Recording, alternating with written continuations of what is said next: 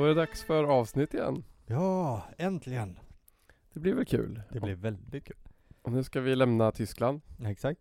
Lite i alla fall. Lite, det får man ändå säga. Ja. Vi ska ju till ett örike.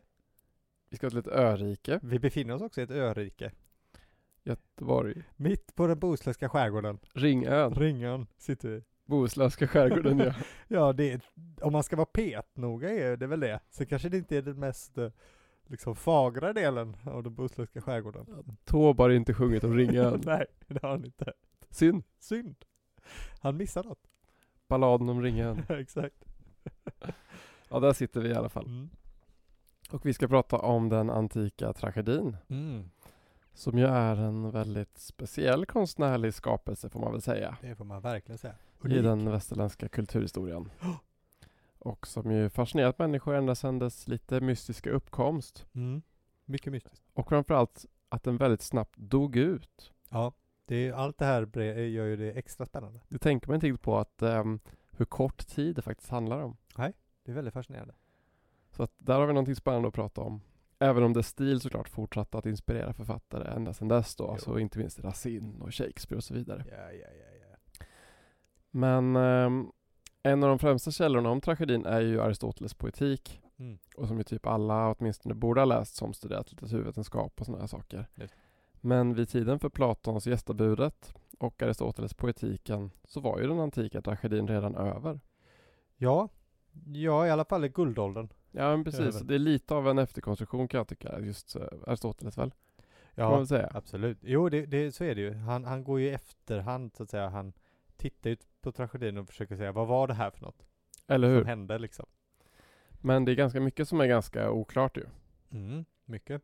Men ehm, om vi ska börja röra oss lite i början. Det finns ju någon som heter Thespis i alla fall som ska ha uppfunnit den. Ja, ja, precis. Alltså hur tragedin, vi, vi börjar där. Hur tragedin kom till, det vet ingen. Eh, det finns då massa teorier. Att Aristoteles lägger också fram teorier om hur det går till. Han vet ju inte heller. Eh, men en sak är viktigt säga. Det här är en helt och hållet atensk företeelse. Eller attisk. Man pratar ju ofta om de grekiska tragedierna. Men de är ju inte pangrek, pangrekiska utan de är helt och hållet attiska. De finns bara i Attika. Det är bara där man eh, gör dem på det här sättet. En typisk atensk uppfinning får man säga. Ja men exakt. Teatrar fanns över hela den grekiska världen. Men man spelade alltså inte tragedier på alla teatrar. De körde med komedier där. De körde mycket komedi. Eller man kan köra lite allt möjligt på en teater faktiskt. Läsa poesi och Man sånt. kan läsa, exakt. Och det, det sägs väl att Thespis ska ha varit eh, den första skådespelaren också. Ja Det precis. finns ju någon som, jag tror att Aristoteles säger väl det, annars brukar han väl kallas tragedins uppfinnare. Ja alltså så här då om vi går. Hur börjar tragedin? Det här, vi kommer nog återknyta några gånger och behöva ta det här lite virrvarr va, på grund av att det är så många saker som går in i det. Men innan tragedin finns ju dithyramben. Ja. Och dithyramben är en sång, en hymn, en religiös sång till Dionysos. Och hymner i den grekiska världen, de brukar ha en story, liksom en handling. Man sjunger inte bara så att guden sa 'Fan vad bra du är' Utan så kommer du ihåg när du gjorde alla de här coola grejerna? Vad, vad bra det var! Låter bra? Ja, precis. Och då har du ju en story och någon gång, och det här brukar man då säga var Tespis, även om ja, det är jävligt oklart. Så var det, gick han då fram och började köra lite roll, han började spela upp det som hände. Så man hade en kör först då, och sen går han fram och börjar riffa. Och liksom, nu är jag Dionysos. Och så gjorde han liksom, spelade Dionysos roll istället för att bara sjunga handlingen. Och där börjar ju tragedin då. Vilken grej. Ja, precis. Ehm, men kan, kan vi börja med namnet? Tragedi. Ja det är väl lite av ett mysterium det också va? Det är ett jättemysterium. Ett kul mysterium tycker jag. Det bär ju in då för att eh, det börjar ju med Dionysus-fester. Och för man spelar ju tragedin i samband med religiösa fester. Och när man har religiösa fester då offrar man ju också. Kanske får, Ja det kanske man gör kanske getter. Men vet man om att man gjorde det? Nej, det vet man inte. Det- En ledande fråga. Ja. För tragedi betyder ju då getsång ungefär. Att Tragos då som Mm. är väl get. Precis. Eller typ Killgetens säsong har jag Ja. skrivit. Ja men precis. Det är väl en manlig get i alla fall. exakt. Eller typ, alltså jag har också läst att man skulle kunna vara för att man vann en get. Så skulle det kunna vara, det är ju enligt, no, enligt någon källa då så ska Tespis ha fått en get i pris. En, vid något då för att ha vunnit en, en, en trage, trageditävling. Alltså det finns någon form av källa. Ja, det finns det, men eh, den, är, den, är, den är ganska sen. För det som talar emot liksom att det skulle ha, handla om offer av en get eller att man vann en get Mm. är ju att ingenstans så står det någonting om en get. Nej, nej men precis. Eh, Vilket ju pajar lite liksom. Men jag tror att det här är en sån här liksom eh, en källa som, som, som kan vara en sån här förklaring i efterhand. Eh, en, en, min favoritförklaring, för det är ju då de, de tre vanligaste är ju då antingen, eller de, de två vanligaste, säga, antingen att man offrade getter, därav getsång va? Att man vann en get, vilket det, det är ju bra, så kunde det varit. Men den tredje som är lite speciell, och kanske minst sannolikt, men bäst, det är ju att den viktigaste delen var ju kören i början. Det var ju bara en kör som sjöng. Och den bestod då framförallt av pojkar i målbrottsålder, tror någon. Okej. Och att de då bräkte när de sjöng. För man sjöng ju tragedierna. Eh, Och att därför, att de lät som enkelt. Det låter lite som ett skällsord eh, om man tänker på den höga litterära nivån så Ja. låter det lite som att säga så här står de och bräker. Ja, nej men precis. Ja. Men det började ju inte på så hög nivå, det kommer ju kanske sen. ja. Så skulle det kunna vara. Men så det är bra att börja här då med att det är ett, även namnet är ett mysterium. Så än så länge vet vi ingenting. Än så länge vet vi ingenting.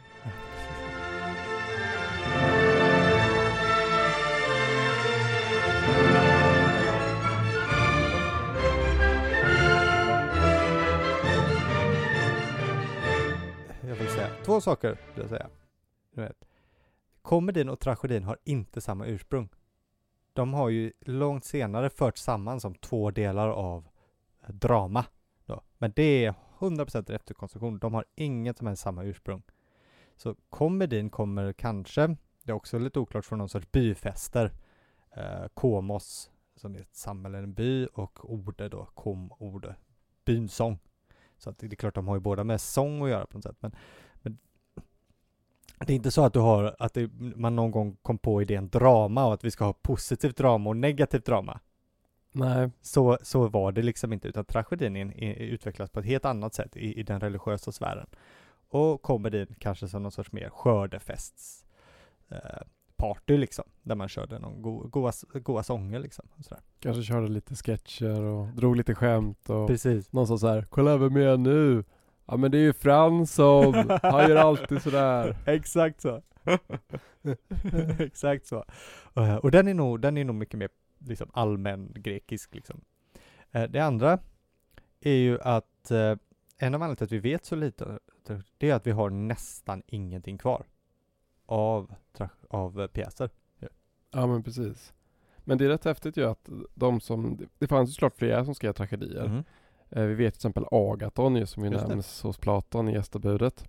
Men de tre man tänker på det är ju såklart Aeschylus, Sofokles och Euripides. Mm. Och det roliga är ju att de tre var ju kanoniserade redan när de levde. Ja. Att de har alltid, alltid varit de tre. Det är inte så att någon på så här 1800-talet sa de här tre är bra och så gjorde man en antologi med dem. Nej. Utan de har alltid varit de tre. Och de enda som har räknats egentligen. Och grekerna gillade ju att utgå från slaget vid Salamis. Ja, det är en tax. Som ju var 480 före Kristus. På den här tiden räknar man ju inte i år så som vi gör ju. Och vid det här slaget då ska ju Aeschylus ha stridit. Mm. Sofokles ska ha sjungit det som kallas Pajan. Ja. Alltså har du bättre koll på det? Alltså, um, han föddes ju var det 496 eller 95 före Kristus. Ja. Så han var väl 15-16. Så att han skrev någon hyllningssång till kriget då eller? ja, vad? precis. Eller eh, mer kanske, det kunde vara någon typ av marschsång. Eller en, eh, tänk dig sådana här liksom där soldater går och, och, och sjunger en sån här sång tillsammans när de går. I don't know what I've been Ja, told. kanske något mer i den stilen. Men jag, jag, jag, jag har inte stenkoll på det. Men han, man tror inte att han var med och stred i alla fall och han var ju då tidiga tonåring. Ja, nej det låter lite ungt. Och så föddes Euripides då, Ja. runt då slaget vid Salamis. Så alla tre levde samtidigt Mm. vid just den här punkten i eh, deras historia. Så levde alla tre samtidigt. Sen blev ju Sofokles blev ju skitgammal, han blev ju över 90 år typ. Det är mycket. Om man tänker på att så här, det är bara nu man blir gammal men han blev ju sketgammal. Nej, kunde bli gammal då också.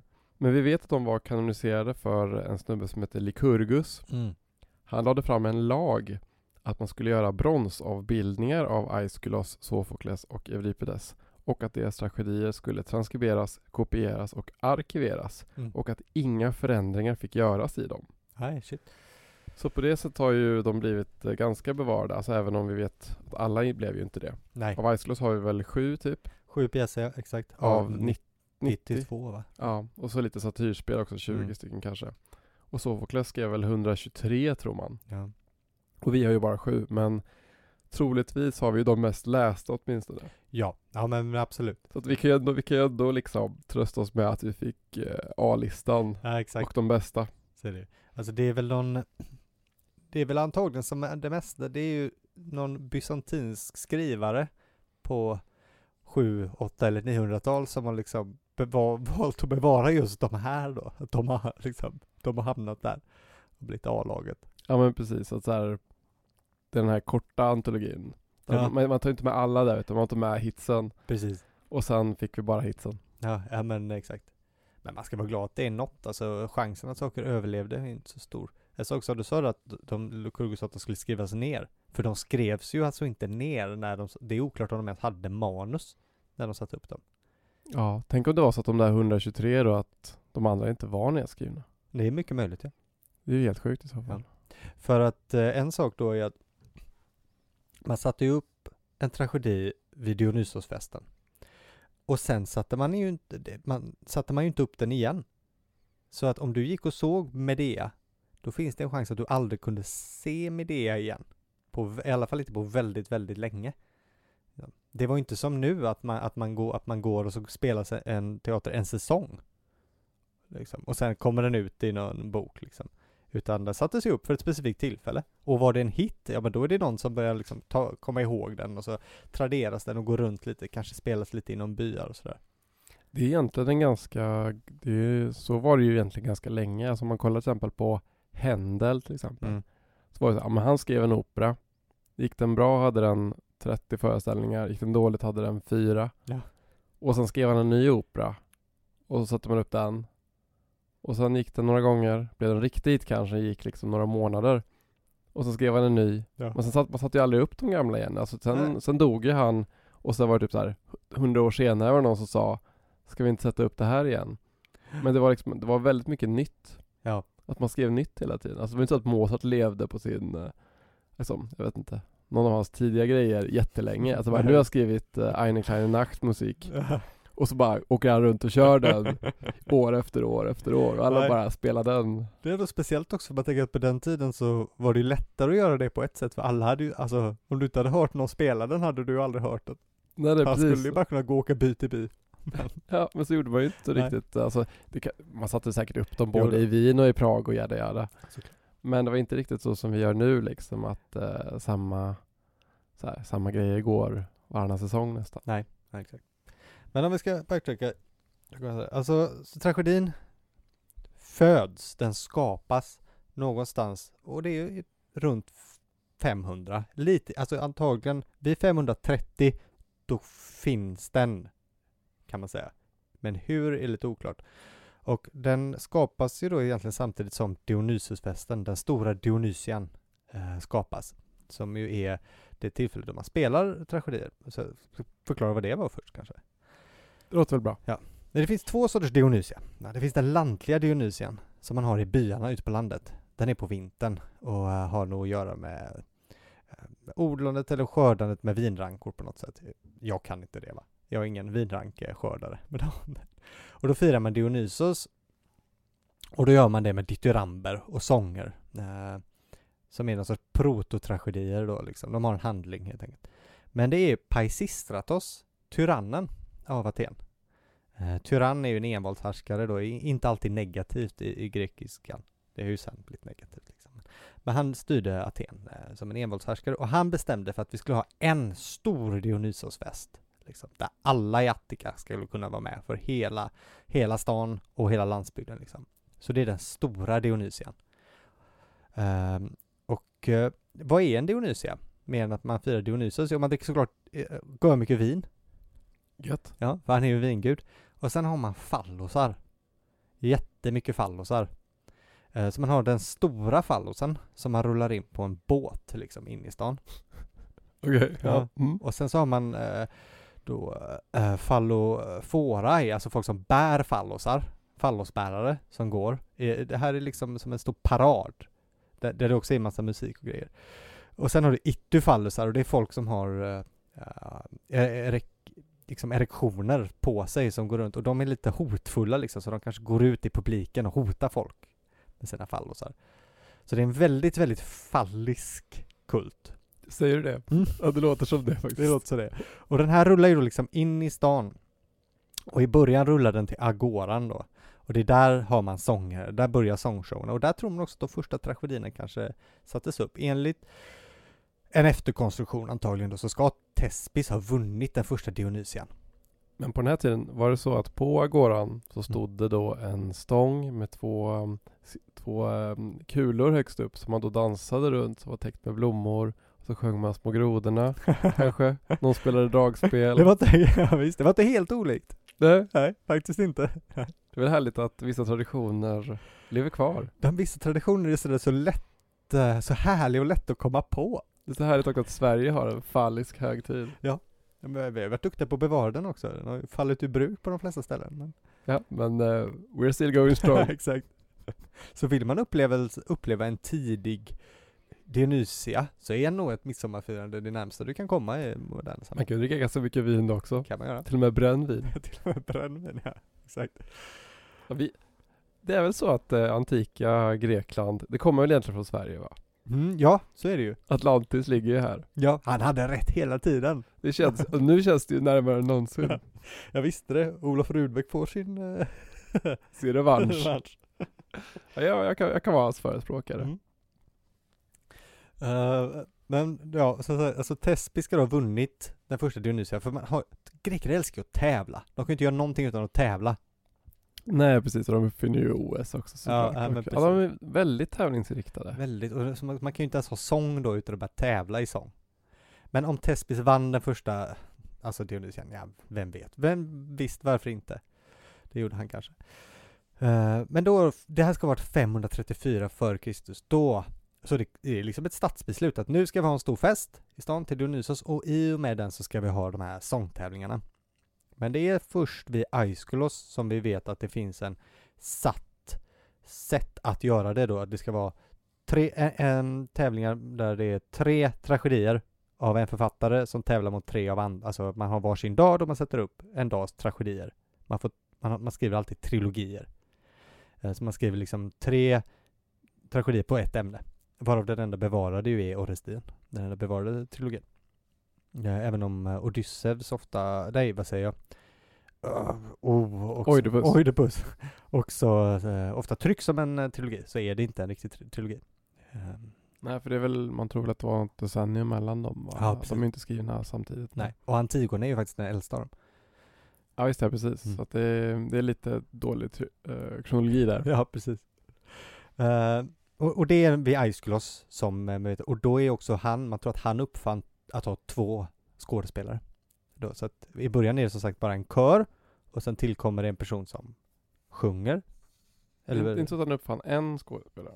Eh, nej, det tror man Tespis då gjorde. Ja, ja, ja. Eh, Eller då, eller... Jag visste och så säga en tredje. Ja, precis. Sorry. Mm. Eh, Och Aiskulos, han, han då kommer på idén att vi kör två personer så kan, de ha, kan vi helt plötsligt ha dialog. Va? Dubbelt så bra. Precis. Och det är ju på. Ja, fyra, när är det exakt? Vi- vi- Vet jag inte, 480-tal kanske, efter Sa- Salamistens gång. Precis. Ehm, För då var han ute och krigade i alla fall, så han måste Ja, komma precis. hem först. ja, jo det borde han ha gjort. Eh, en en eh, rolig trivia-detalj är på att Aiskulus grav så skrevs, stod det inte pjäsförfattare eller någonting, utan det stod att han stred vid maraton. Det var det han var stolt Det var över. det han var stoltast över. Det säger också lite kanske. Mäktigt. Ja, precis. Det är ju rätt coolt i och för sig. Han segrade där med. Ja, exakt. Men, men eh, det, du sa att de eh, kanoniserades under sin tid. Alltså Aiskulos dominerar ju, så vitt vi vet, under sin tid. Eh, När han under sin prime, så att säga. Att han är, han är ju redan då det största namnet liksom. Ingen kan konkurrera med Aiskulos. Tills Sofokles dyker upp senare. Så det verkar ju som att det här är ju en, en scen där det är enskilda pjäsförfattare. Ja verkligen, det är rätt intressant ändå. Alltså att de an- det finns ju andra namn, vad heter det, finns någon på Phrynicus. Mm.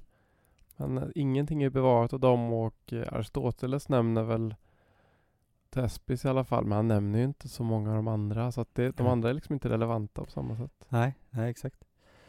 Eh, och på det praktiska då, vi pratade lite om det också, om hur det går till. Det här spelas ju på teatern, Dionysos-teatern heter den, ta tacksamt nog. Eh, som sagt, inte alls unik i Grekland, utan teatrar finns i princip överallt det finns greker. Eh, teater kommer, betyder egentligen bara ställe man tittar på, eller tittplats. Teatro betyder jag ser. Det är samma ord som i teori ju. Ja, just Det har ju också med seende att göra, att man Cool. ser någonting utifrån tror jag. Wow. Theorein, eh, Mm. teatro, det måste ju ändå vara samma. Ja, det borde vara samma, ja. Exakt. Eh, och så att det har ju liksom inte det har ju inte med drama att göra i, i vårt sätt att göra egentligen. Som sagt, man kan ju göra vad som helst på en teater. Man tror att de ofta var samlingsplatser bara för ett eh, samhälle helt enkelt. Man vill, man vill kunna höras och se. Då är det en teater. Och innan, innan då eh, Thespis då började ploja och spela Mm. teater så läste man ju och berättade saker. Så troligtvis berättade man väl och läste upp eh, poesi och läste upp Precis. historia och berättelser och sånt där. Och de första teatrarna är ju då, Grekland är ju ett, ett land av berg och kullar. Um, så att det är ju helt enkelt bara att man är på en sluttning. Ja. Och alla grekiska städer i princip är ju byggda runt en akropol.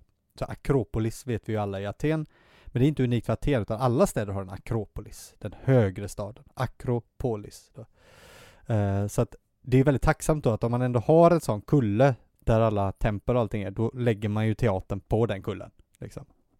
Det är väldigt häftigt när man ser sådana som är just ja, men uthuggna i. Det är ju väldigt Mm. häftigt. Istället för de här som är byggda på plats, liksom romerska liksom. Nej, exakt. När de är verkligen byggda på, på en sluttning. Det är väldigt häftigt Ja, att det är se. väldigt fräckt. Ehm, och eh, så även i Aten då. Och det, först då så satt man nog på marken. Och sen tillkommer lite träbänkar och sådär. Den här tiden vet vi inte något om. Men framåt 400-talet så börjar man sätta dem i sten. Va? Snyggt. Eh, Med markerade platser och sådär. Och längst ner fanns ju platser för viktiga dignitärer och Dionysospräster och sådär. Eh, Längst fram. Sen har man ju två andra ord som kan vara bra att känna till. Så teatern är sittplatserna. Teatern är inte hela byggnaden. Sen har du scenen. Men scenen är inte där skådespelarna står. Utan, Här är det ju en riktig begreppsförvirring. ja, exakt. Utan scenen är backdroppen. Liksom. Där man kunde ha lite coola grejer, man kunde sätta upp scenografi och man hängde sina masker där också. Så att man kunde byta mask. Eh, och orkestern då, det är där skådespelarna är. Så scenen är orkester. Ja, exakt. Precis. Och, Och scenen är kuliss. ja, ja, men precis. Kan man säga. Sen fanns det faktiskt ett altare mitt på orkestern då. Eh, som jag antar att de spelade runt. Antar det. Ja visst är det, det har skrivits en del om det och huruvida det fanns en upphöjning eller inte. Mm. Att det är sånt där lite omtvistat va? Väldigt omtvistat. Det fanns nog ett tempel också. Det var kanske på det som typ vissa gudar kunde stå och sånt där. Mm. Ja men exakt. Eh, precis. Alltså ja för att det finns ju inte riktigt kvar, alltså sittplatserna finns ju kvar, men det andra har ju försvunnit liksom. Det var väl byggt i trä ofta eller? Ja precis. Och även i de mest bevarade teatrarna så har det liksom fallit, ja det, det är lätt, sånt som lätt går sönder helt enkelt. Um, och sen då, skådespelarna var ju inte proffs, utan det var, det var amatörer helt enkelt. Man satte ihop ett lag, så att om du var en person då som Aeschylus, då sätter du ihop liksom en kör då, en koros, så du är och med en koreograf då, helt enkelt. Snyggt. Ja, exakt. Ehm, och så kommer du på en handling, du samlar ihop ett gäng med bra skådespelare du känner liksom, eller kanske, ja du vet, för, för in dem säger så här, jag har en bra grej på gång, vi kommer vinna i år, liksom. Eh, och, eh, och övar helt enkelt, och kan, kanske efter ett manus, men kanske inte. Det var, det var nog mycket mer touch and go, jag gissar faktiskt. Alltså, och man sjöng ju i det mesta, och hade nog musik till. Det vet vi ju inte. För att vi har liksom, vi har ju inga, det står ju ingenting i, i, i de texter vi har, det är ju bara text rakt upp och ner. Ja men precis. Det är ju inga scenangivelser och det är inget sånt där, så allt det där får man ju lägga till. Men det var nog musik till. För att vi vet att de dansade. Ja just det. Så att, så att det- är mer musikal än vad det är teater i modern bemärkelse. Ja, ja men faktiskt. Ja. Fast de sjöng nog inte lika smörigt. Nej, nej det kanske, det vet vi inte. Hoppas inte. Nej. Vi vet att de, de använde ju anapester när de skulle in och ut. Hur går en anapest? Dum dum duff, dum dum duff, dum dum duff. Sådär, det var. Det kan man hoppa till. Ja, när de skulle in och ut så gjorde kören anapester. Kul. Ja, precis. Och sen det, det, sist, det, det, det man måste också komma ihåg då, det är de berömda maskerna. Det vet ju alla att de hade masker på sig. Eh, men jag tror att man har en felaktig bild över hur de här maskerna såg ut. Inte för att vi exakt vet hur de såg ut, men man tänker de här maskerna man ofta ser, en glad och en ledsen. Ja men precis. Där. Men det är ju snarare någon sorts eh, idealistiska masker. Den, den där lite galna masken man ser, det är egentligen Dionysos, så det är inte en skådespelare. Utan det är Dionysos mask. För det, det finns inga bevarade masker. Det finns bara av de här avbilderna liksom. Det finns romerska och sånt där sen. Mm. eh, Ja, precis.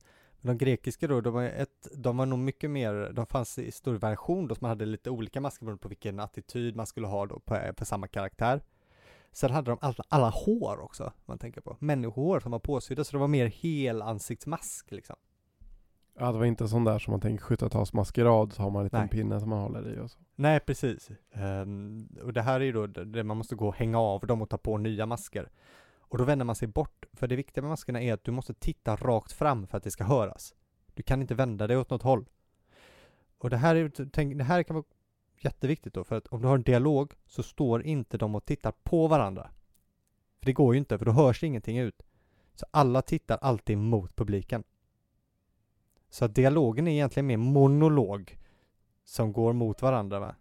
Så, Ja ja ja. Mm. så alla tittar mot publiken och när någon vänder sig om, då är de offstage. Har du vänt dig om, då är du inte med. Då är du borta liksom. Då, då räknas du inte mer. Så det, det är bara när de är vända. Så då kan du vända dig om, byta mask, komma tillbaka som någon annan. Som en mimare liksom. Måste varit fett. Det var nog ganska fett faktiskt. Det var mycket show på en sån här grej. Det är mycket scengrejer och, och, och det är liksom mycket mer än bara handlingen som i och för sig är väldigt spännande. Utan det var ett spektakel liksom. Man skulle ju också vinna så det gäller ju att dazzla liksom. Ja men eller hur.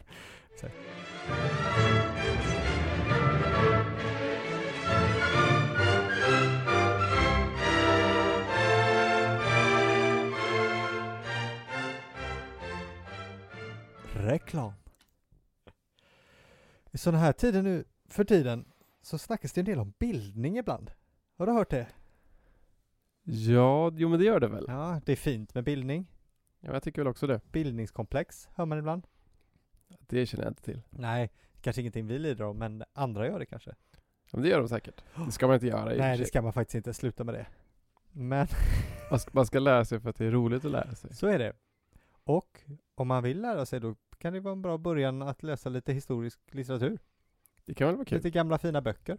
Kanske också det där som inte alla har läst. Ja men precis, då har man någonting att berätta om. Precis, och det som är så himla bra då är ju att det finns ett specifikt förlag bara för just det. Vad gör det? Ja, det gör det. exakt, Delfine förlag. Det känner jag igen. Ja, exakt. Där man gett ut sådana pangklassiker som Agricola av Tolstos. Har man sett Succession så eh, refererar de ju till den. Just det, fan vad coolt. Eh, Läs den i alla fall. Agricola heter boken. Det är väl väldigt brittiskt att läsa Agricola kanske. Väldigt, väldigt. Det ingår ju i en eh, ordentlig utbildning däromkring. Och de refererar ju till den där eh, öde, ödemarken där. Ja, exakt. Det är ju en, det det ska, det är ju en eh, referens man ska känna till. Det är väl rätt bildat att kunna dra, dra den. Ja, exakt. Och eh, gillar man penisar så kan man läsa Preapea. Lite mer under bältet ja. Lite mer under bältet. Snuskig lyrik från eh, romersk tid. Det är inte fel att skratta, det kan vara bildande att skratta också. Det är det. Det- Men det, måste, det ska vi föra i dagens avsnitt, att man måste ju skratta ibland också. Eh, ja. Ja, det, det kommer in. Det har, det har med tragedier att göra också. jag gör inte så mycket skratt. Man kan kul. inte bara ha tragedi. Nej, det är sant. Man måste ha lite skratt också. Va? Lite löspenis också. Det är väldigt viktigt. Och eh, så finns det också en eh, ganska ny bok. Det är ett svenska språkets klagomål. En av de mer kuriösare texterna kanske. Ja, faktiskt. Men eh, därom också roligast att läsa.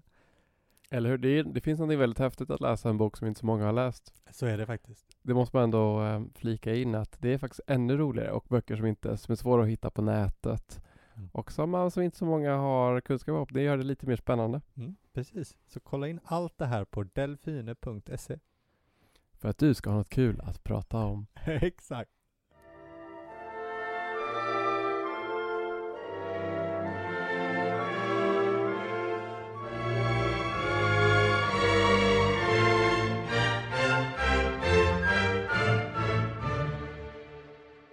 Ja men precis, vi har ju pratat om att de här författarna hade ju en väldigt upphöjd ställning i Aten. Mm.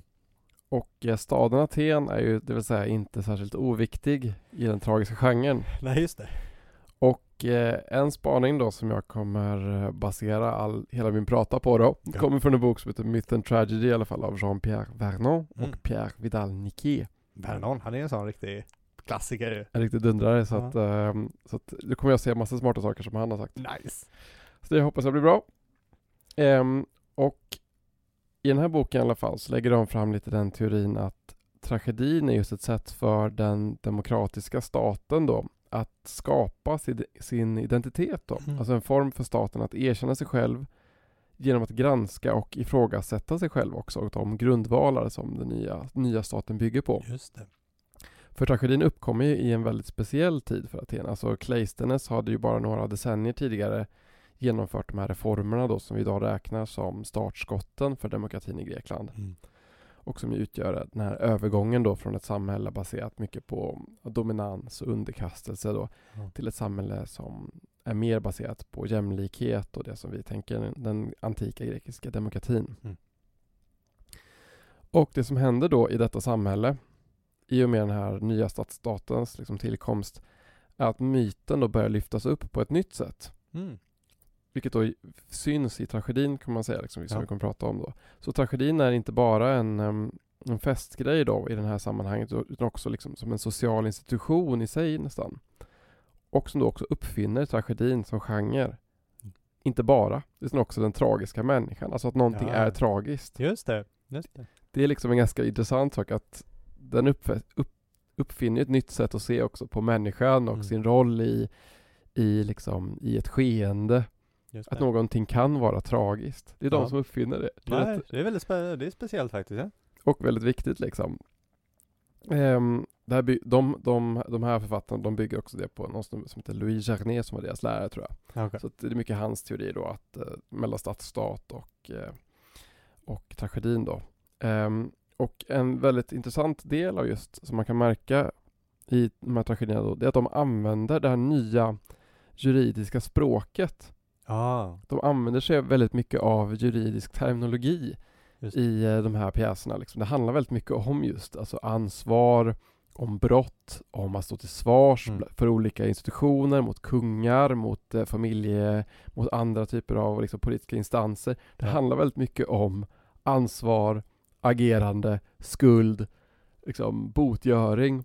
Och så skrivs det med ett väldigt, det här nya juridiska lingot som de också visar då på all dess tvetydigheter men också dess brister. ja, nej, jättespännande ja. För det här är liksom, det här är ju en, att den atenska liksom, demokratin är ju någonting som kommer till under längre tid såklart. Ja, ja. Liksom, så att det måste ju prövas ganska mycket. Mm. Så att de menar då att det som sker i de här, att det är en slags debatt då mellan ett mytiskt förflutet och den här då nya stadsstaten som inte bygger på tradition utan bygger på juridik. Just det. Så det är två olika rättssystem kan man säga som möts i, alltså i tragedin då, alltså ett nytt och ett gammalt och som är i konflikt. Typ. Ja. Och där det nya väldigt tydligt och ifrågasätter det här re- religiöst förflutna. Väl, ja, flika in det. Det är intressant att nästan alla tragedier är ju mytiska. Det, inte alla. Det finns några som inte var det, men vi vet att de floppade. Liksom.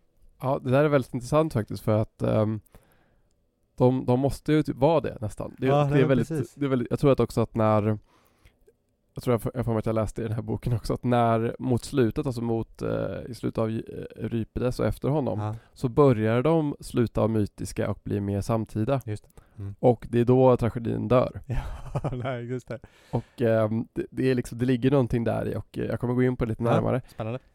Det har med, eh, nej jag kommer Ja, dit men, sen. vi tar det sen. Vi tar kommer dit all- Och ehm, alltså idag kanske man läser Antigone då, som Ja. så konflikten mellan två rättssystem, ju Kreons lag och så familjeetiken. Som ibland, jag tror att Lacan kallar det liksom gudomlig lag och människans Mm. eh, lag och sånt där. Ja, Det har man hört ja. Lite abstrakt och väldigt så här, teoretiskt och fint. Ja.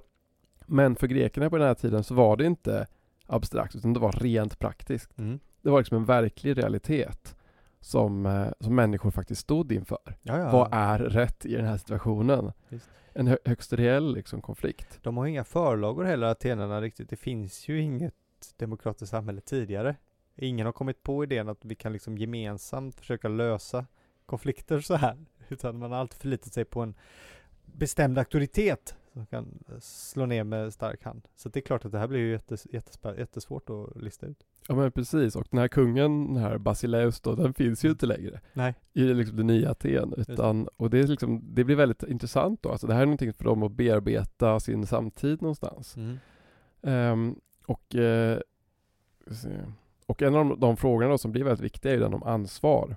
Och Mm. relationen då mellan olika handlingar, brott som man kan kalla ursäktliga, Ja. som Antigonas då kanske man kan kalla Ja, ursäktligt brott. Och brott som då är gjorda med uppsåt. Ja. Och något som jag har nämnt nu lite grann är ju det här just att tragedin bygger ju på ännu äldre myter. Som, ehm, så tragedin skildrar liksom samtida frågor och problem. Men de gör det med gamla namn och mytologiska personer. Mm. Men då grupperar om dem. För, för de här myterna som tragedierna bygger på, de är ju inte tragiska. Nej, nej just det. Utan de skrivs om till att bli tragiska. Ja, så är det. Många saker eh, som vi nu tror är myter är ibland tagna ur tragedierna. Men känt kanske är att Medea dödade sina barn. Det gör hon nog inte i ursprungsmyten. Utan det Nej. har eh, Euripides kommit på. Ja, visst ja. Ja, precis. För man, man vet ju att, han, att hon blir dissad ju av Jason där. Ja, och precis. de här Argonaut Hennes barn dör i andra versioner men då är det någon annan som mördar dem, inte hon själv. Ja. Så att, eh, så de har liksom en, en idé kan man säga om, om tragedin då och handlingen Mm. och eh, den här utvecklingen. Och sen plockar de de här karaktärerna och formar om dem på något sätt. Liksom. Att, och de här mytiska figurerna är inte längre modeller eller förebilder som de är i de gamla eposarna liksom. Ja, Utan de blir liksom ett problem. just det. De är ett problem som man måste lösa. Mm. Och det är väldigt viktigt tror jag att se just att de här heroiska myterna är inga tragedier. Utan de görs till tragedier. Om man Ja. ser på Ajax till exempel Just som det. finns i Odysseen va? Eh, ja, Iliaden mest Iliaden, kanske. va? Han, han, jag, Är han med? Han kanske inte med? han, Dödar alla han får i dör ju Iliaden, va? eh, liksom, men han är, jag tror de refererar tillbaka till hans död i Odysseen. Ja visst ja. Mm. Men han dödar alla de här fåren i alla fall. Ja, precis. Men han liksom är ju, det är ingen tragedi det utan han, när man väl går in i hans psyke så gör man det till en tragedi på något vis. Mm. Hans galenskap och självmordet och allt det där liksom.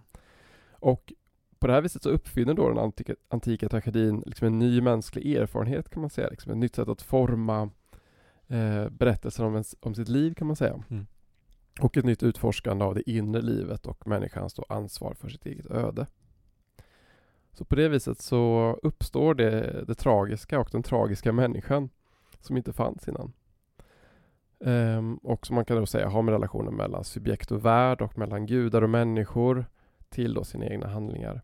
Och ehm, utforskar hur en person, alltså hur bra och hur framträdande den är, hur den faller och går under på grund av ett felsteg, ett misstag som alla kan göra. Ja, just det. Och eh, det här gör ju då de här tra- tragiska författarna då genom en mängd olika tekniker och sånt där som Aristoteles går igenom i sin poetik. Och som sen eh, alltså fortfarande haft bäring då genom renässansen och barocken, eh, nästan till och med idag kan man ju säga. Mm. Eh, Aristoteles text är ju väldigt teknisk och inte jättekul tycker jag. Men eh, Nej, alltså han, han är ju inte en uh, bladvändarförfattare överlag om jag får vara taskig. nej men precis, jag kan också tycka, jag kanske är lite väl idealistisk också, men jag kan ibland tycka att när man skriver exakt vad författare gör så skriver man också bara själva det tekniska. Han, Ja. han skriver liksom inte om varför de här texterna är bra litteratur. Nej. Utan, och jag kan tänka mig att man kan skriva väldigt bra litteratur utan att följa de här riktlinjerna. Att det blir väldigt mycket riktlinjer som jag inte tycker betyder så mycket. Så är det. Och jag tror inte att liksom Icelow satt, satt där och gjorde Ja vi måste ha med en vändning, bra litteratur har en vändning och ett Nej. avslöjande, vad ska vi ha för avslöjande? Nej, jag tror inte det heller faktiskt. Och då blir det liksom ganska meningslöst att ha liksom en em, väldigt teknisk eh, guidebok eller regelbok när det inte är så som man varken förstår, en, alltså man upplever ju ett konstnärligt verk konstnärligt, Ja. inte regelmässigt. Och man skriver det heller inte regelmässigt utan man skriver det intuitivt. Så är det. Och vem är det då till för? Nej, bra fråga. Kan jag tycka. Men eh, saker som man pra- pratar om i den här boken i alla fall är tiden, rummet och handlingens enhet. Saker som ju ska bli väldigt viktiga under den franska klassicismen till exempel då med Racine och Molière och sådär. Andra saker som vi känner igen är ju att tragedin handlar om kungar och hjältar och gudar. Mm. Det gör den ju fortfarande hos Shakespeare till exempel. Ja, ja, absolut. Tragedin är ju, handlar ju bara om em, höga människor så att säga, alltså fina människor. Ja. Medan då komedin handlar om låga, vanliga människor Så är det. en väldigt viktig liksom, eh, aspekt. Förutom då den här tidsliga som jag pratade om också, att det handlar, den utspelar sig alltid, tragedin är alltid förr i tiden. Precis. Aldrig samtidigt. Och det har väl också med dess politiska sprängkraft att göra liksom. Säkert. Ehm, och en annan typisk sak för de här tragedierna som också finns hos Shakespeare är ju att de alltid utspelar sig på andra platser. Mm. Ja men så är det. Precis. Och eh, i, hos Shakespeare kan det ju vara i ja, men Verona och det kan vara i liksom, olika italienska städer, det kan Mm. vara i eh, Helsingor liksom, och Ja, alla de här olika precis. platserna. I, eh, I Aten är väl typ så att man la det i Thebe. Många av myterna utspelar sig också i Thebe. Ja men precis. Men jag läste också att, att det är ju heller ingen riktig jättebra skildring av den riktiga staden Thebe. Nej, Utan Thebe på något vis får alltid symbolisera en delad, splittrad stad ah, i de, i de attiska då, tragedierna. ja. Medan då Aten oftast är väldigt enat och Mm. funktionerar. Undrar om det har, nu spekulerar jag helt här, men Thebe valde ju persernas sida i perserkriget.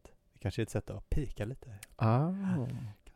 Men sen, de har ju, men de skiljer också mycket perserna också finns det Mm. i, ja, men i den som heter perserna till exempel. Bra exempel. Ja precis. Och sen finns det ju de här begreppen som mimesis som Aristoteles går igenom. Ja. Alltså avbildningen av verkligheten eller åtminstone en möjlig verklighet. Och så ehm, ehm, och så finns det peripetin och omvändningen och avslöjandet och alla de här liksom.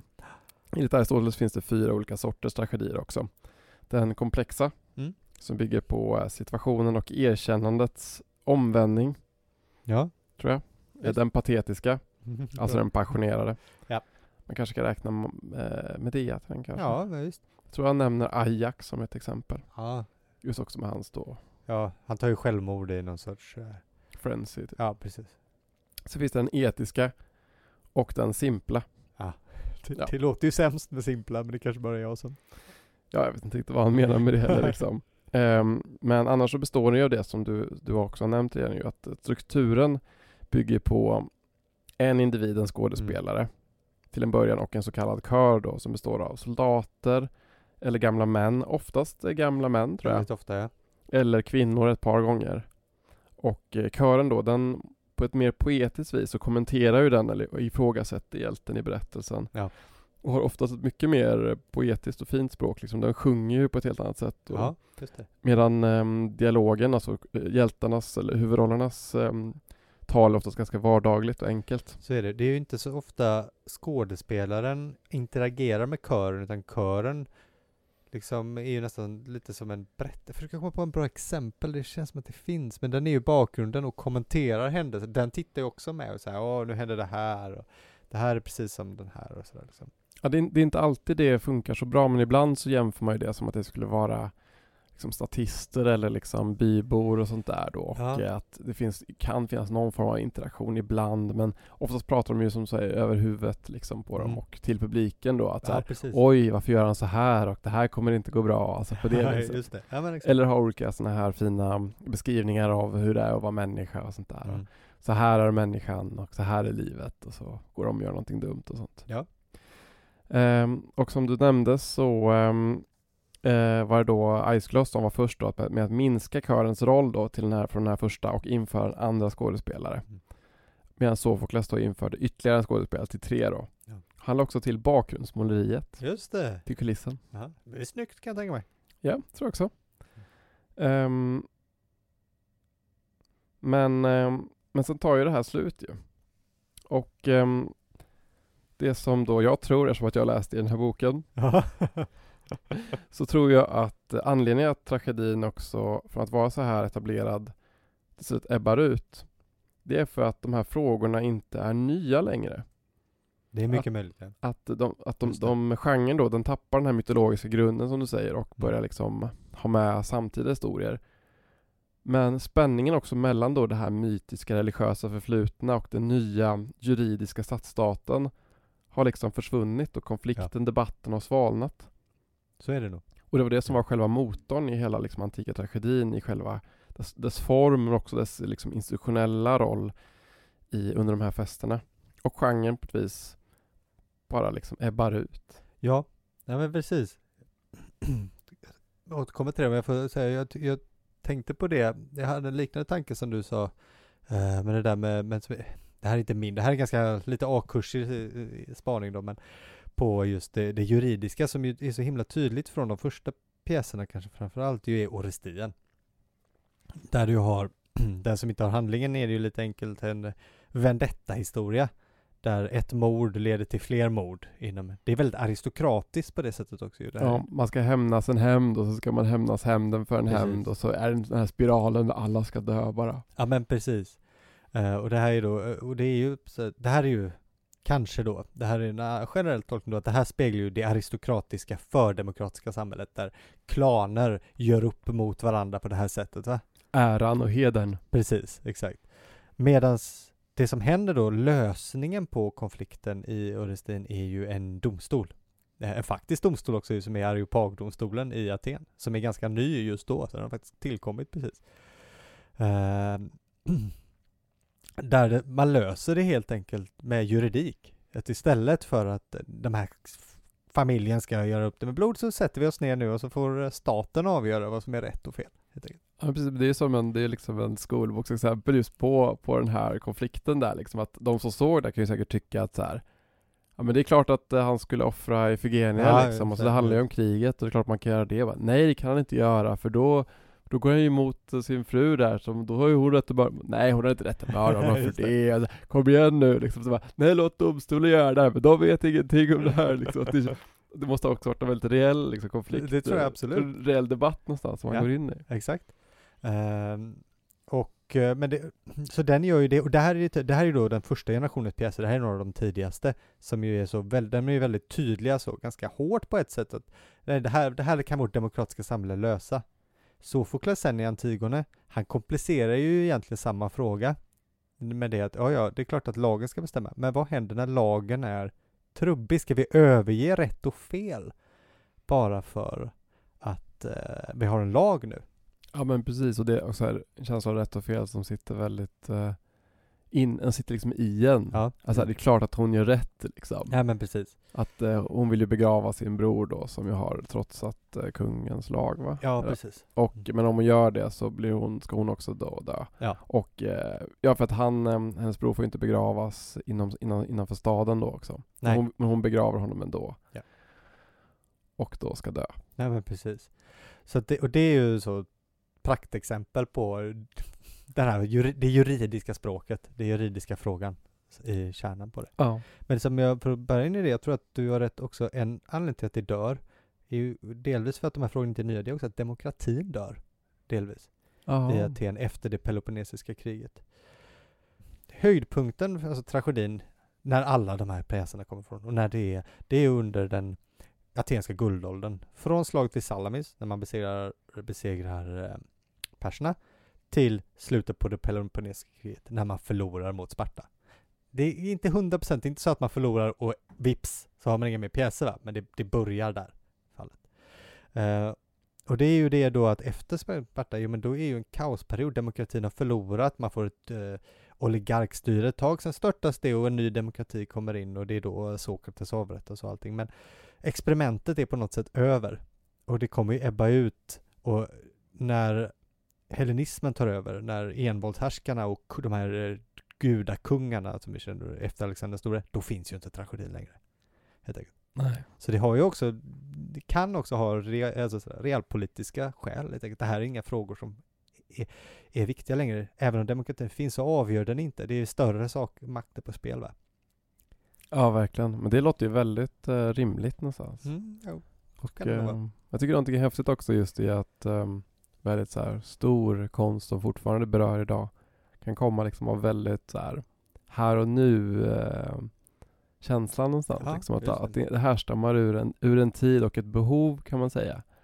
Och eh, jag, jag skulle säga, jag funderade lite på det själv, eh, att så här, man måste väl kunna hitta sådana, allting går ju väldigt snabbt nu brukar man ju säga, Ja, klyscha liksom och att vi också står mellan olika bryttider mellan en eh, analog tid och den digitala Mm. eran och sånt där. Att ehm, stor konst hade kanske kunnat uppstå i när sådana här saker också möts och eh, det nya och det gamla och eh, olika idéer om rätt och fel som förändras och sånt där. Det.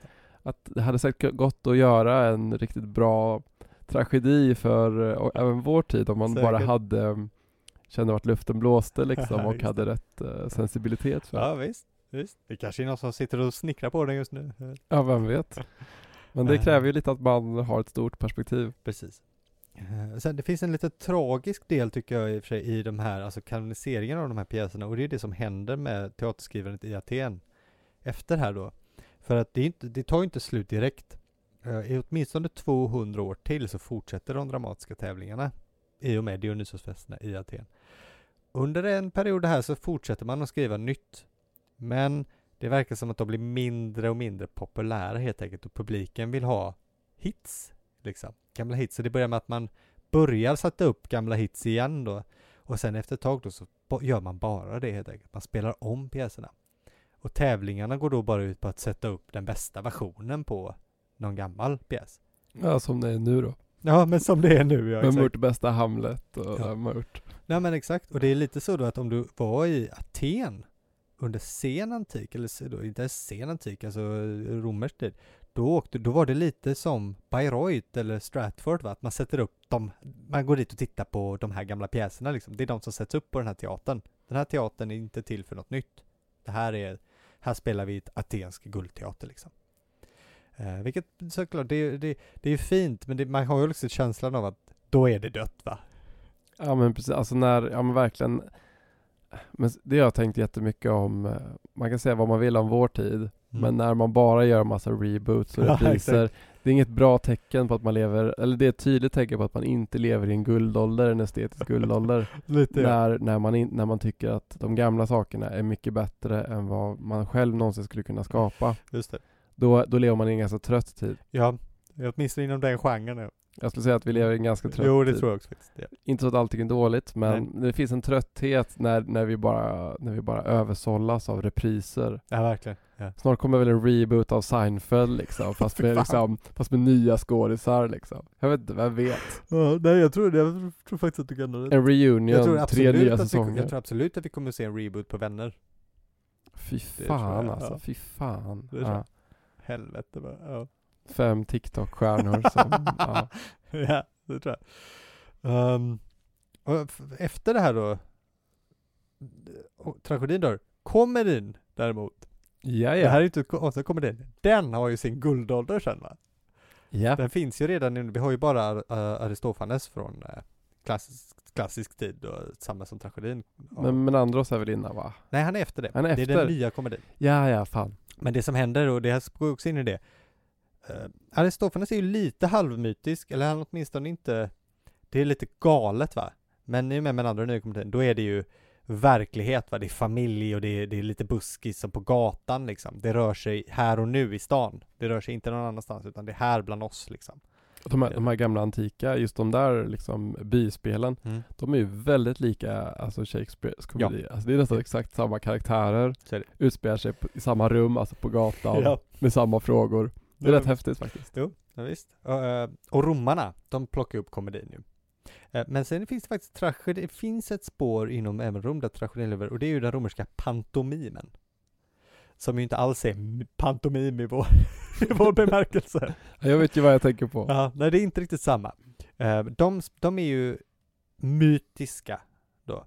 De spelar myter i sång och dans.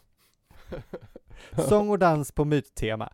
Men de har ju inte riktigt, de finns ju inte bevarade heller riktigt. Men de har ju inte riktigt samma Mm. svung va. De, de, är- äh, det här är intressant i och för sig. Operan är ju ett modernt försök att få tillbaka tragedin ju till viss del. Ja visst. Mm. Balletten är ju faktiskt, kom ju till som ett sätt att försöka få igång pantomimen igen. Jaha, ja. Så att de lever ju kvar i, i de två moderna konstformerna lite. Alltså just att alltså, så mycket kultur som de här gamla grejerna har ändå gett upphov till som då har velat återskapa dem. Ja, har ju skapat verkligen. väldigt mycket ny och häftig kultur. Seneca har ju skrivit så här Medea också, sådana Ja. där också. Men det är inte så många som läser dem Nej. idag va? Det är också väldigt oklart om de någonsin sattes upp. De kan bara ha varit eh, skrive, Ah, ja. skrivepjäser. Har du läst några av dem? Jag har läst hans, det är ju i och för sig en satir, hans eh, heter den väl, eh, som ju i och för sig är en komedi. Det är ju om hur eh, kejsaren Claudius förvandlas till en pumpa. Som kanske kommer ut på Delfiner? Som kanske kommer ut på Delfiner om när, när den nu är färdig översätts. Ja. Ja. Men var det bra då? Eh, ja, den är ganska rolig. Men alltså Aristofanes är ju väldigt kreativ, alltså den här, den här fåglarna. Mm. När liksom, som ba, där alla, alla är fåglar. Jätteroligt. Man undrar hur det är, alltså, och det handlar ju om två personer som då går till en fågelkung och ber allt bli för- förvandlade till fåglar. För de vill leva i en stad bland molnen, bland för de vill vara fria då eftersom Just de det. känner sig väldigt eh, illa behandlade och slav, slavaktiga på, på marken. Ja, vem? Men tänk att se det när alla, alla är fåglar. Alla är utklädda till fåglar då också. Ja det måste ju varit Mm. jättekul att se. Jätteroligt ja. De har också fall, fallosar då. Alla, på komedin hade man penis på sig. Alltså det, det hade varit en prakt att se Ja. alltså. Um, just, det. ja, en sak så, så att, eh, som vi inte sa då, uh, tragedin spelas trilogier. En, om man går en dag liksom och ser, då kollar man på tre tragedier och sen i slutet kommer det roliga. Och sist är ett satyrspel. Som Ja. ju är en eh, total, liksom, buskis bara. Och där får man ju inte glömma att eh, det, det skrevs ju av samma, Mm. samma författare. Just det. Så att även Sofokles då som har skrivit Oidipus och Aeschylus som skrivit Orestien skrev ju då alltså satyrspel, alltså ja, men en slags avrundande ko- komedi på slutet. Så att de var inte, de var inte bara tungsinniga Nej. snubbar heller då. Nej, exakt. Och, det, och den slutade alltid med en dans som gick in i att man, även publiken började dansa. I någon sorts, alla dansar ut tillsammans. Som sen, slutet på en Disney-film. så är det exakt. För sen är det ju supa som gäller. För det är ju faktiskt en Dionysusfest. Ja, ja. Men alltså Tänk ändå om de hade funnits kvar liksom. Ja, det, Sofokles satyrspel. va? ja Tänk- det finns ju bara, det finns ju bara fragment av ett satyrspel kvar. ja. Det är ju knappt att läsa. Är det några bra skämt i den? Ja, det är lite oklart vad som händer. Om jag inte minns fel då så är ju plotten då att det är, de är fångade i Polyfemos grotta. Fast istället för att det är Odysseus och hans kompisar så är det ett gäng satyrer som lever rövare istället liksom. Ah, ja, Så ganska kul setup ja. sådär. skulle jag säga. Vad skulle hända om det var satyrer istället? Det låter kul. Mm.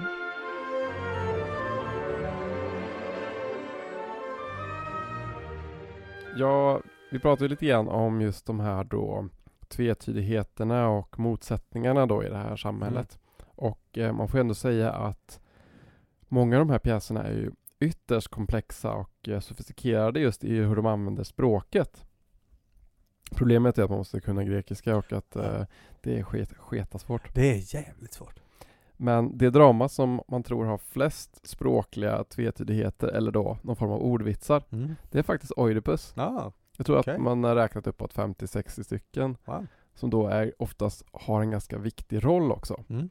Och eh, jag har ett exempel då. Och det är ordet eh, homosporon Okej.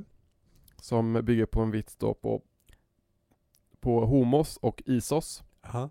Alltså då samma och eh, lik får man väl säga kanske. Okej. Ja, är det, isos, inget ord jag kan tyvärr. Men som är isomorfi Ja, och okej. i Ja, ja. isotop och sånt. Mm. Måste vara isos Det va? måste vara det ja. Ja.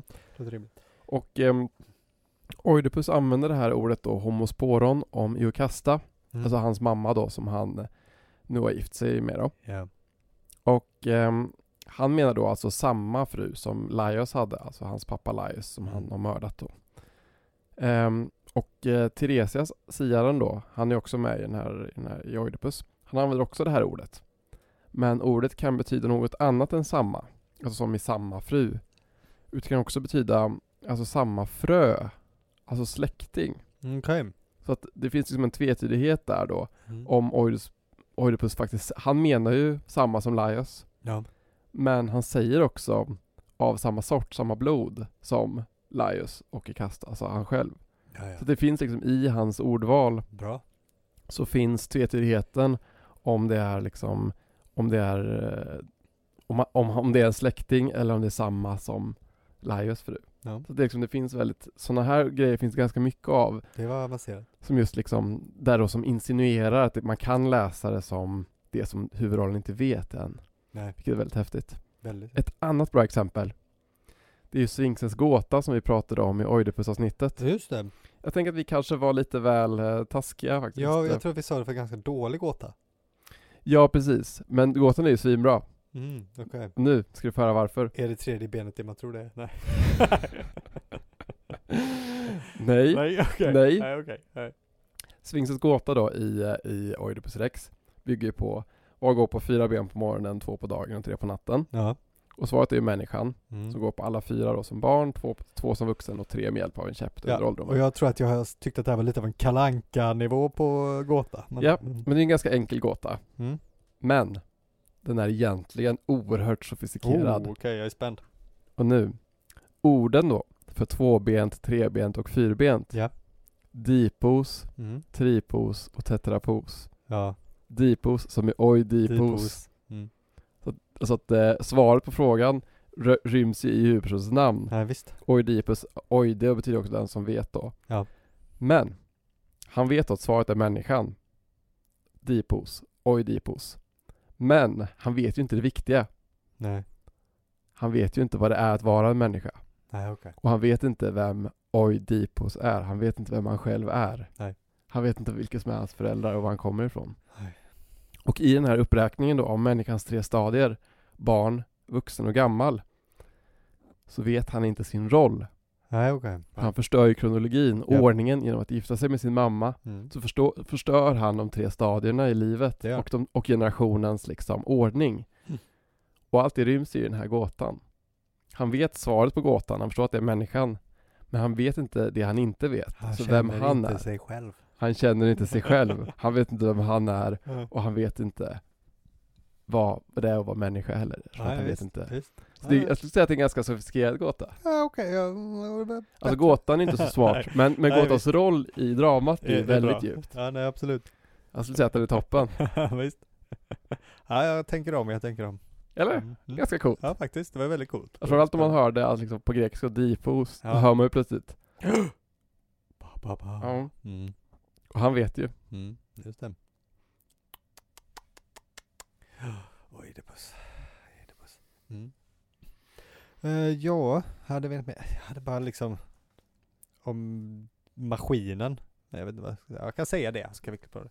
Det fanns ju två delar av själva teaterbygget också som har gått lite till eftervärlden, åtminstone ett av dem. Eh, och det är ju maskinen. Uh, ja. Mm. Är Ja. känt framförallt från Deus Ex Machina. Ja, just det. Liksom. Och vad är det då?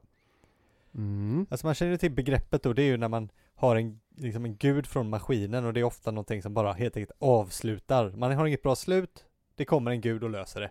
Ja men precis, och det, och det är också väldigt vanligt hos Euripides som vi nu har pratat Ja. ganska minst om, men det är också för att folk tenderar att tycka sämst om honom. Ja, det är, han är lite högt och lågt kanske. Några av de bästa har han ju skrivit, men också Men det är god. Ja, precis. Eh, och han använder ju sig gott om den här ja. Men jag tror också, jag tror inte, att- det är nog ganska många som inte tycker att det är en särskilt bra litterär lösning. Nej, det är ju inte det. Känns kanske. lite som att det är liksom ett lönnfack på slutet och bara så här. men så var det inte så, Nej. lite, lite som den här, och så var det bara en dröm. Det är exakt så. Och så känner man, men vad fan, Ja. vadå bara en dröm? Men så här, Zeus kommer och fixar det. Ja, Ja, lite så. Men det det är då, är ju att det fanns något som var maskinen, alltså en kran som man kunde hissa ner en skådespelare eller en, en staty eller någonting. Och den här användes ju, den här uppfanns ju även innan och användes ju friskt då för att folk skulle sväva eller om någon spelade en gud så kunde de vara där uppe och göra något coolt. Till exempel Medea tror man då att vagnen, att hon, alltså skådespelaren då sitter i en vagn som flyger liksom över scenen.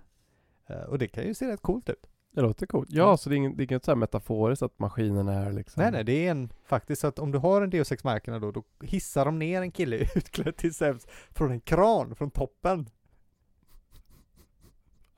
Så att det är ordagrant. Vad häftigt.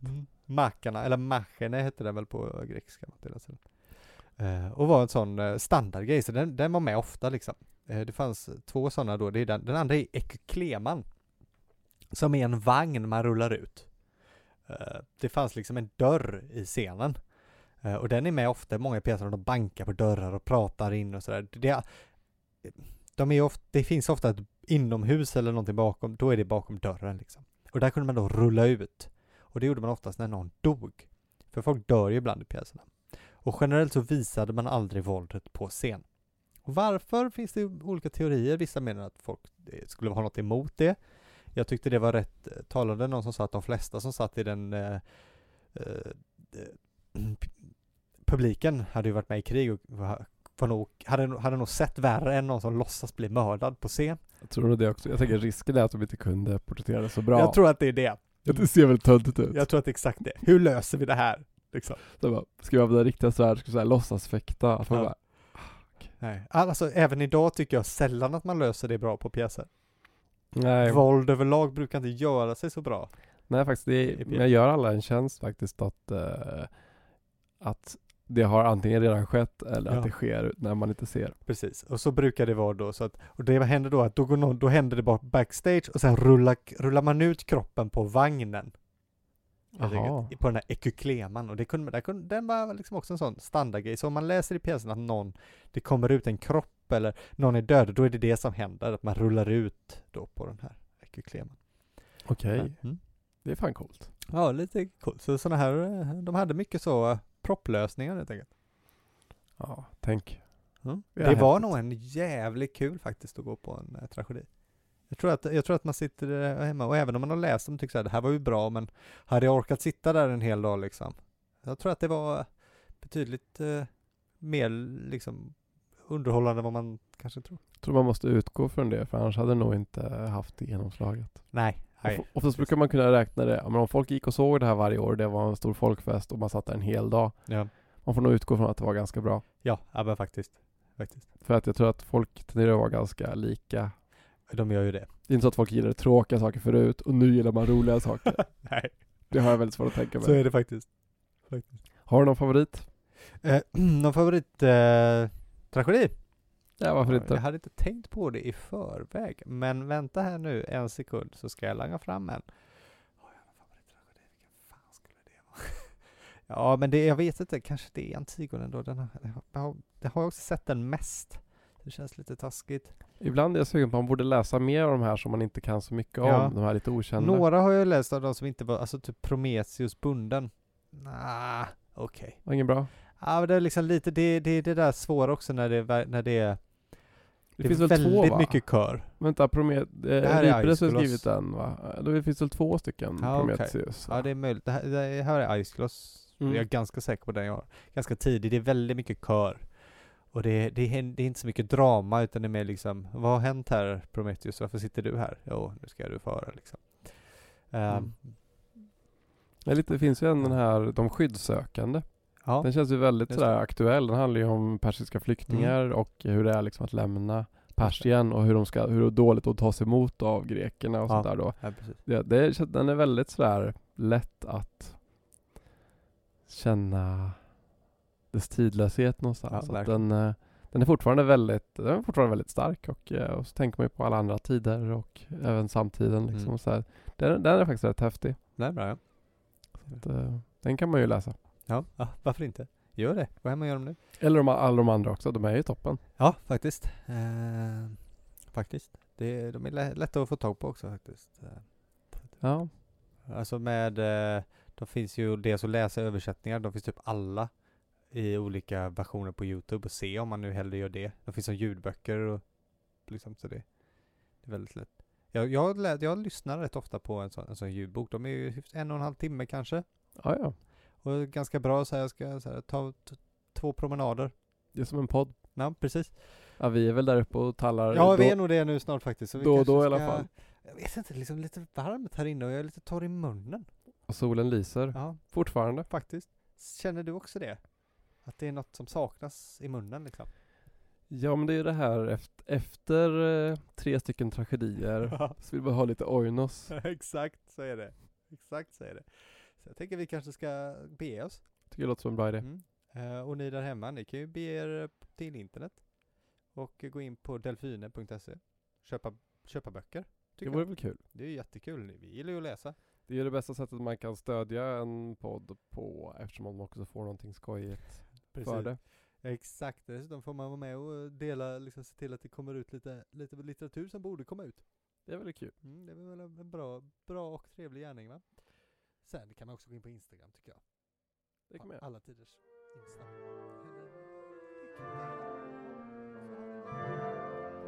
Eller,